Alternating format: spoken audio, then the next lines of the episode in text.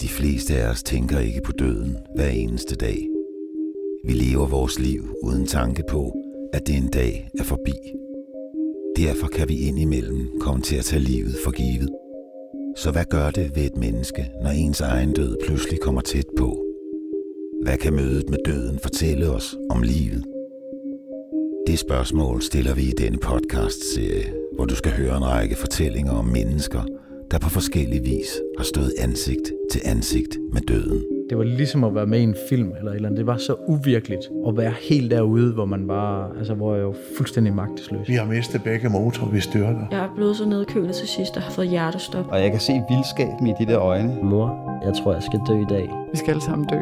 Uanset hvad der sker, så må du ikke glemme mig. Du lytter til Jeg overlevede.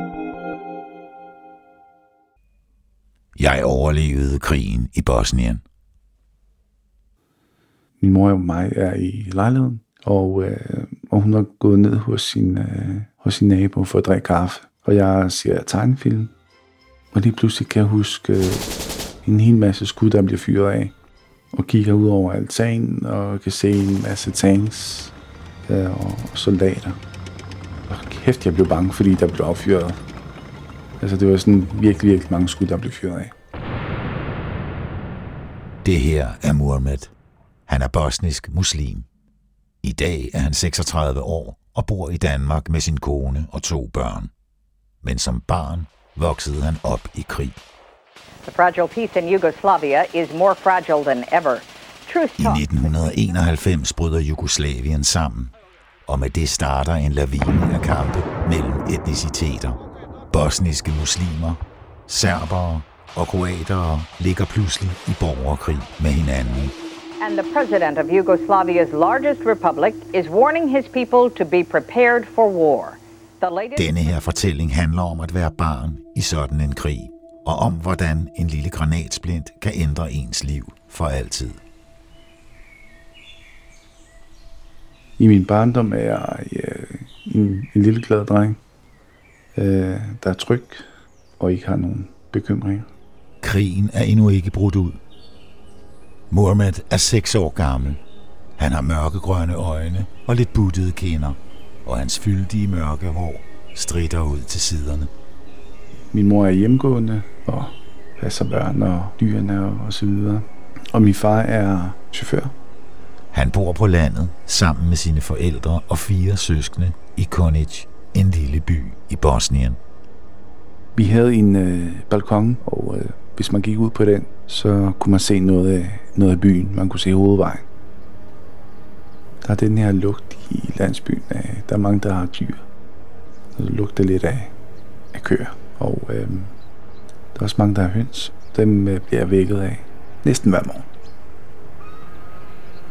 Når jeg kom hjem fra skole, så spiller jeg fodbold med mine øh, venner. Ellers så var vi ude at lege, ude at gå ture i skoven, og brugte meget tid med min, øh, med min onkel også. Han var ofte på jagt. Han skød kaniner, og så familien betyder meget for mig. Vi var rigtig meget sammen. Jeg oplever starten af krigen som, øh, som lidt spændende med, med folk, der render rundt i øh, militærtøj og render rundt med gevær og skyder til højre og venstre. Jeg forstår ikke helt, hvad, hvad krigen går ud på. Da Jugoslavien går i opløsning i 1991, bliver Slovenien, Kroatien og Makedonien hurtigt selvstændige lande. Anderledes bliver det med Bosnien. Det er et etnisk blandet land, hvor både bosniske muslimer, kroater og serbere har hjemme. Og i 1992 bliver der afholdt en demokratisk afstemning i Bosnien. Landet bliver selvstændigt. Men serberne kæmper imod. Med den serbiske præsident Slobodan Milosevic i spidsen vil serberne have et samlet Jugoslavien med et serbisk overherredømme. Og her tager krigen fat. I byen bor der bosniske kroatere og bosniske muslimer. Min families forhold til, øh, til kroater er som til alle andre. Og min mor sidder ofte og drikker kaffe med dem. Og så, så vores forhold er ganske godt. Jeg kan mærke, at tiden ændrer sig, ved, at vores bosnisk-kroatiske naboer i, i landsbyen flytter væk. De var i undertal.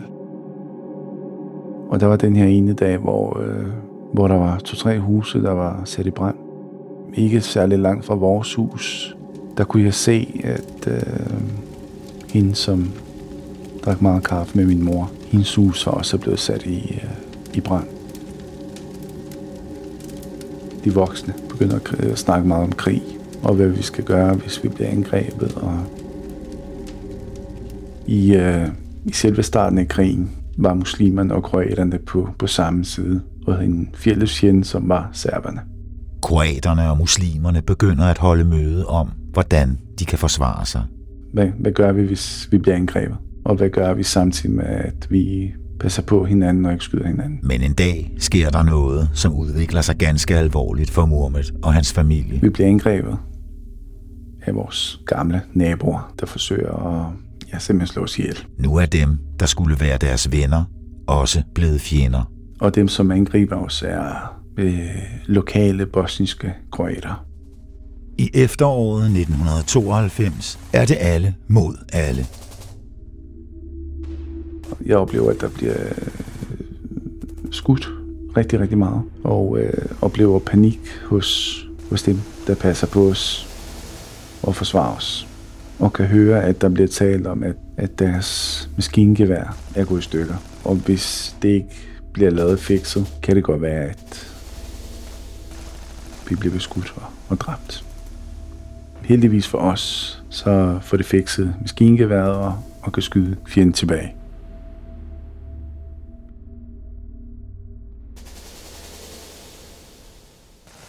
Den øh, 7. maj 1993, der vågnede jeg op omkring halv otte om morgenen.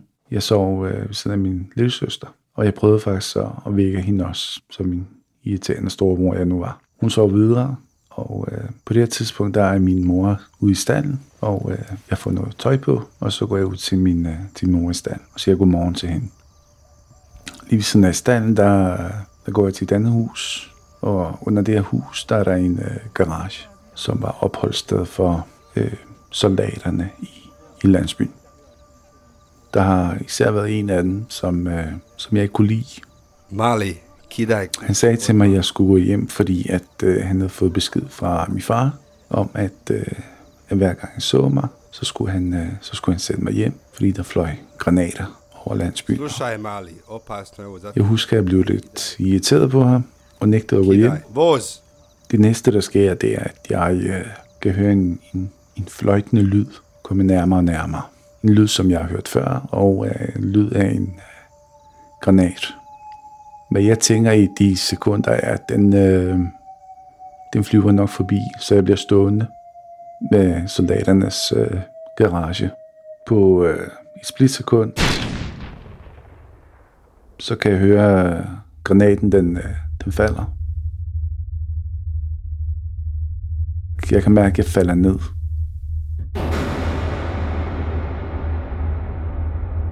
Jeg ligger på ryggen og kan ikke bevæge min, øh, min ben og begynder at bløde.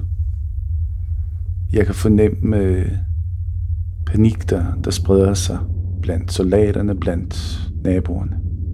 De, de løber over til mig. Og øh, jeg ligger på, på jorden og kan ikke øh, bevæge mig. Og ser naboer og, og soldater omkring mig. En af dem kan høre råbe til en anden, han skal øh, løbe hjem til min mor og hente øh, vores øh, bilnøgler, så jeg kunne blive kørt på, på hospitalet. Der går noget tid, før han er tilbage, og der kommer min mor også øh, løbende og begynder at græde. Og min søskende begynder at græde. Øh, der går panik i den. Jeg får det varmt, og jeg øh, har bare lyst til at sove. Jeg øh, er blevet ramt af en øh, granatsplint øh, lige siden af min hals. Den splint, som rammer Mohammed, stammer fra en kroatisk granat. Jeg havde en gul trøje på den dag, som man kunne virkelig se øh, de hul, der var i min øh, trøje. Øh, der, hvor granatsplinten var, var rød ind. Mohammed bliver båret ind i en bil og bliver kørt afsted mod det lokale hospital. Han ligger afkræftet på bagsædet i bilen, og den gule trøje bliver mere og mere rød fra blodet, der strømmer ud fra skulderen. Og vi tager afsted ud i et øh, lokalt hospital, som, som ligger cirka 50 km fra vores øh, landsby. Vi kan ikke tage den af, hovedvejen, for det, så bliver vi jo beskudt af, øh, af kroaterne. Så for at komme på hospitalet, der er vi nødt til at køre via andre landsbyer. På et tidspunkt øh, bliver jeg hævet i bilen igen, lagt på en borg, og, øh, og båret ned til en øh, ambulance. Det er der, min far møder os og, og kommer med på resten af turen. Og forsøger under hele vejen at, at holde mig vågen, fordi jeg har hele tiden, jeg er søvnig, jeg er miste bevidstheden. I ambulancen er der en læge, der giver Muhammed første hjælp, og som gør alt, hvad han kan for at holde ham i live. Min far taler rigtig, rigtig, rigtig meget til mig. Til mig for at holde mig vågen. Og lover at køre en cykel til mig, og jeg kommer hjem fra, fra hospitalet. Han er ked af det. Han, øh, han forsøger at skjule det for mig, for ikke at gøre mig bange. Han er i øh, panik. Jeg er bange.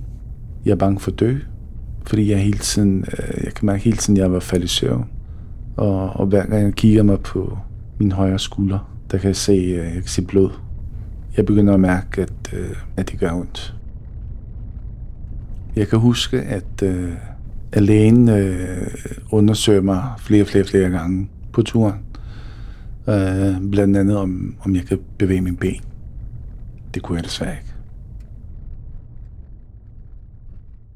Efter fire lange timer med omveje igennem landsbyerne, når de endelig frem til hospitalet i Tatsin.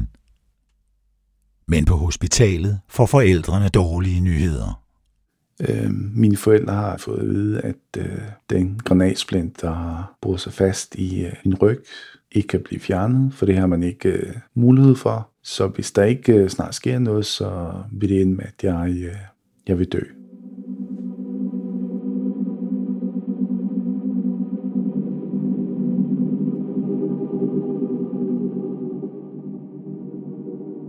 Efter to-tre dage på hospitalet, der, bliver jeg, der får jeg besøg af danske FN-styrker. En oberst fra FN-styrken har fundet den afkræftede Murmet liggende på en sivmåtte i et vaskerum. FN-obersten får ondt af Murmet og hans forældre, som ikke ved, hvad de skal stille op. Obersten trækker i alle tråde og hjælper dem til hospitalet i Sarajevo. Måske kan de redde hans liv. Mine forældre får at vide og fortæller mig bagefter, at øh, de desværre ikke må komme med, og at det vil blive for farligt for dem. Og at det sandsynligvis vil blive tilbageholdt og måske slå ihjel.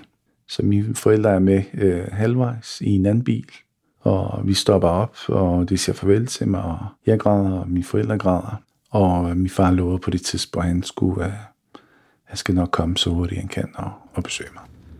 Igen er det en livsfarlig tur, og bilen bliver beskudt hele vejen til hospitalet. Og jeg ankommer til øh, Sarajevo sent om aftenen, hvor jeg bliver opereret samme dag under meget dårlige forhold. Der var ikke noget strøm på hospitalet, så man brugte øh, sterillys for at have noget lys i operationsstuen. Den aften der får jeg fjernet min øh, granatsplint fra ryggen, og jeg bliver syet sammen igen. Jeg får øh, dræn forskellige steder i kroppen for at få tilført noget blod. Og øh, jeg kan huske, at jeg, jeg græder rigtig, rigtig meget i tiden, og jeg er rigtig, rigtig bange.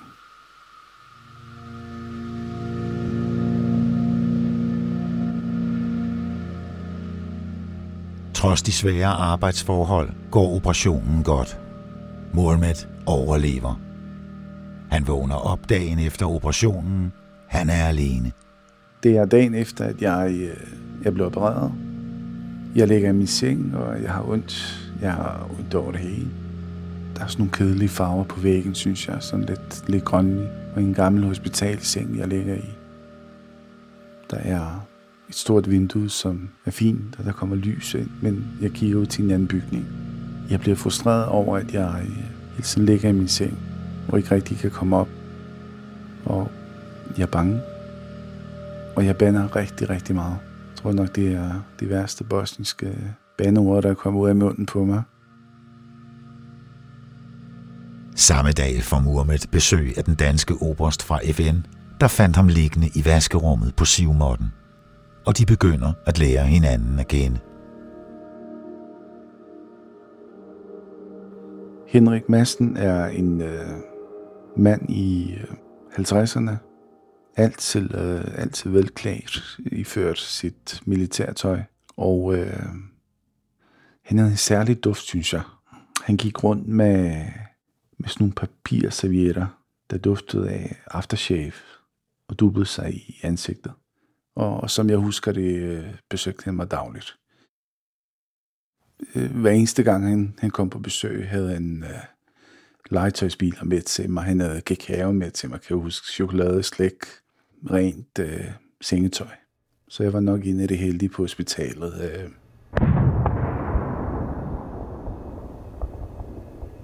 Jeg, øh, jeg husker det som en, en, en rigtig svær tid. Jeg var alene og, og frustreret, og jeg var ked af det, og jeg havde smerter. Der er dage, hvor jeg øh, ligger i min seng, og, og lyset forsvinder lige pludselig. Så var der dagligt lyd af granater, og med risiko for, at, øh, at hospitalet bliver, bliver bombet, og vi bliver ramt endnu en gang. Jeg kan huske den her en, en episode, hvor jeg øh, er ude og køre en tur i min kørestol. Til ved hospitalet er der sådan en lille, en lille bro. Kan jeg se en mand øh, stå op, øh, op på broen øh, med armene strakt ud. Ud af det blå, så er han væk. Og jeg bliver nysgerrig og triller over i min øh, kørestol ved kanten af broen og kigger ned. Han ligger på maven, og der er blod omkring ham. Så det er jo en, der har, der har taget sit eget liv. Når man oplever sådan nogle ting, så tror jeg bare, at øh, man, man vender sig. Man vender sig til det, selvom man på det her tidspunkt er en knægt på, på 10 år. Det bliver lidt som en, en normal hverdag. At være på vagt og kigge sig over skulderen og lytte efter, om der kommer granater flyvende. Men en dag får han gode nyheder. Halvandet år er gået, siden han ankom til hospitalet. Han får at vide, at han skal til Danmark og få behandling, så han muligvis kan komme til at gå igen. Det er hans ven, Obersten, Henrik Madsen, der har sat det i stand. Efter Muhammed er blevet sendt afsted, fortsætter Henrik Madsen i krigens tjeneste. Min far fortæller mig, at nu øh, er papirerne på plads, og at vi øh, skal til Danmark for at få behandling for, for min skade. Øh, noget, som min far og ikke mindst Henrik har kæmpet rigtig meget for. I november 1994 ankommer Muhammed og hans far til Danmark. Muhammeds mor må blive hjemme i Connage med de fire søskende. De tager direkte over til Rigshospitalet. Her bliver han indlagt. Og selvom Muhammed er i sikkerhed for granater og bomber, har han taget krigens redsler med sig til Danmark. På, øh, på Rigshospitalet går der noget tid, inden jeg øh, falder lidt til ro og ikke er, er bange mere. Jeg er netop, hvor jeg, jeg drømmer. Jeg drømmer om granater, jeg drømmer om krigen, og, og vågner og er bange for, at jeg hospitalet bliver bombet. En dag, mens jeg ligger i min seng på, på Rigshospitalet, så kan jeg huske min far, som, som ligger ved siden af mig i en anden seng. Og, øh, og vi snakker lidt frem og, og tilbage om forskellige ting. Og så kan jeg huske, at jeg på et tidspunkt spurgte ham, om, øh, om jeg skal være bange, og om der vil falde øh, granater, og om, om nogle af dem vil ramme Rigshospitalet. Og øh, det svarede han selvfølgelig nej til, og, øh, men, men jeg kunne fornemme på ham, at han, øh, han blev ked af det. Og der gik ikke særlig lang tid, så, så sagde han, at han skulle ned og ryge. Det var nok hans måde at, at skjule for mig, at han, øh, jeg var blevet rørt over mit spørgsmål og, og blev ked af det. Men inden længe får Murmet en melding fra lægerne om, at de ikke kan hjælpe ham, og at han formentlig vil sidde i kørestol resten af sit liv. På det tidspunkt, der går det nok ikke op for mig, hvad det betyder. Men det gør det jo for min far. Murmet bliver sendt på et genoptræningshospital i Hornbæk, og håber, at det er dem, der kan hjælpe ham med at gå igen. I 1995 bliver Mohammed udskrevet og flytter sammen med sin far i et asylcenter i Allerød. Og nu skal Mohammed og hans far finde sig til rette i et helt nyt land med et ukendt sprog og med krig i baghovedet. En krig i det land, hvor resten af familien stadig opholder sig.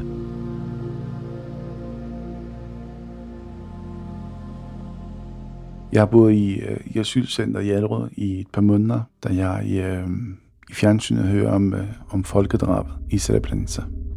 Med general Ratko Mladic i spidsen beordrede de bosniske serber at skille byens mænd fra kvinder og børn. Hjemme på asylcentret kan de følge med i nyhederne. Min mor og min søsken er på det her tidspunkt stadigvæk i Konitz. Heldigvis ligger byen Konitz langt fra Srebrenica. Mohammeds familie er ikke i fare, på trods af, at de er muslimer. Stemningen i asylcenter på, på det her tidspunkt var trykken. De serbiske styrker stormer Srebrenica. Serberne tvinger de muslimske mænd til at aflevere deres våben. Mange flygter, men mange når ikke langt. En etnisk udrensning er i gang. Og fra den 12. til den 20. juli 1995 blev omkring 8.000 mænd og drenge fanget og henrettet i skoler, lagerbygninger og i skoven omkring Srebrenica. Folk var chokerede, folk var ked af det, og øh, måske allermest restløse over, at øh, vi heroppe ikke, ikke kan gøre noget dernede og, og hjælpe det folk, der er på flugt. Især dem, som, som er overlevet.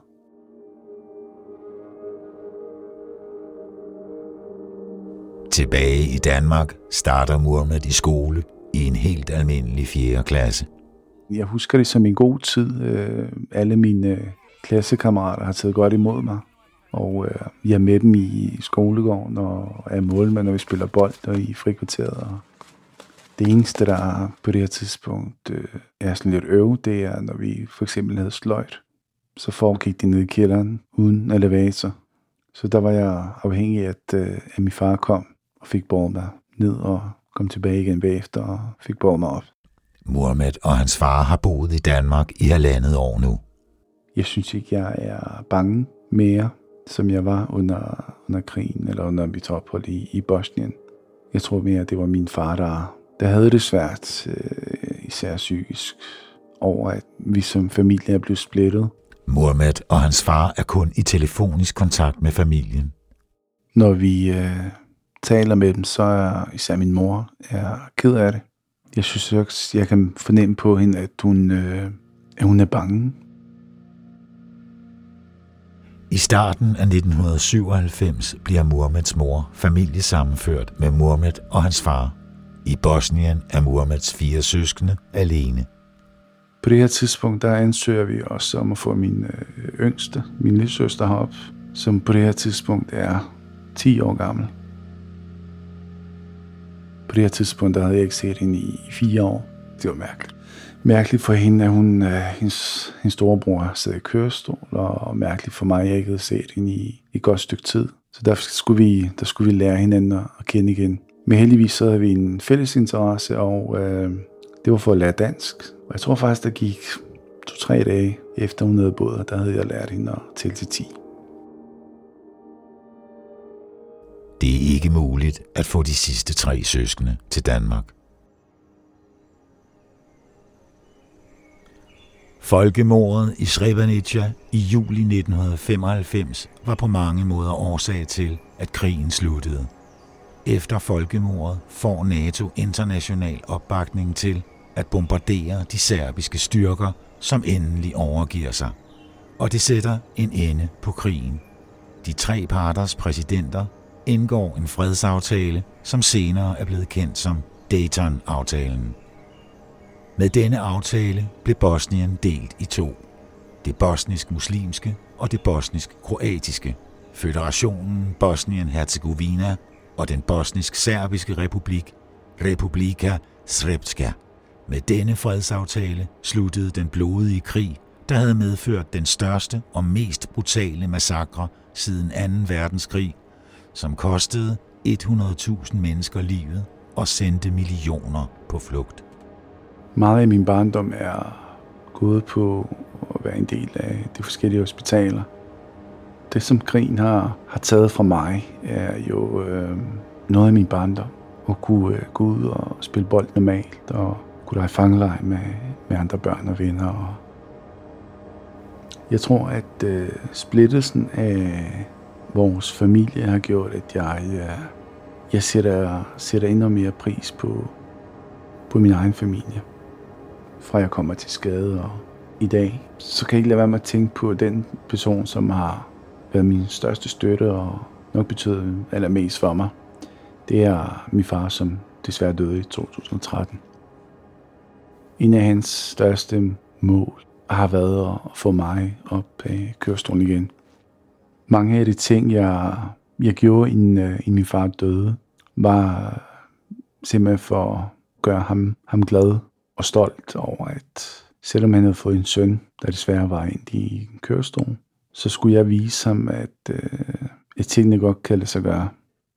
Det eneste, jeg vil ønske kunne være anderledes, det er, at vi hvis vi havde mødt mine, mine to børn.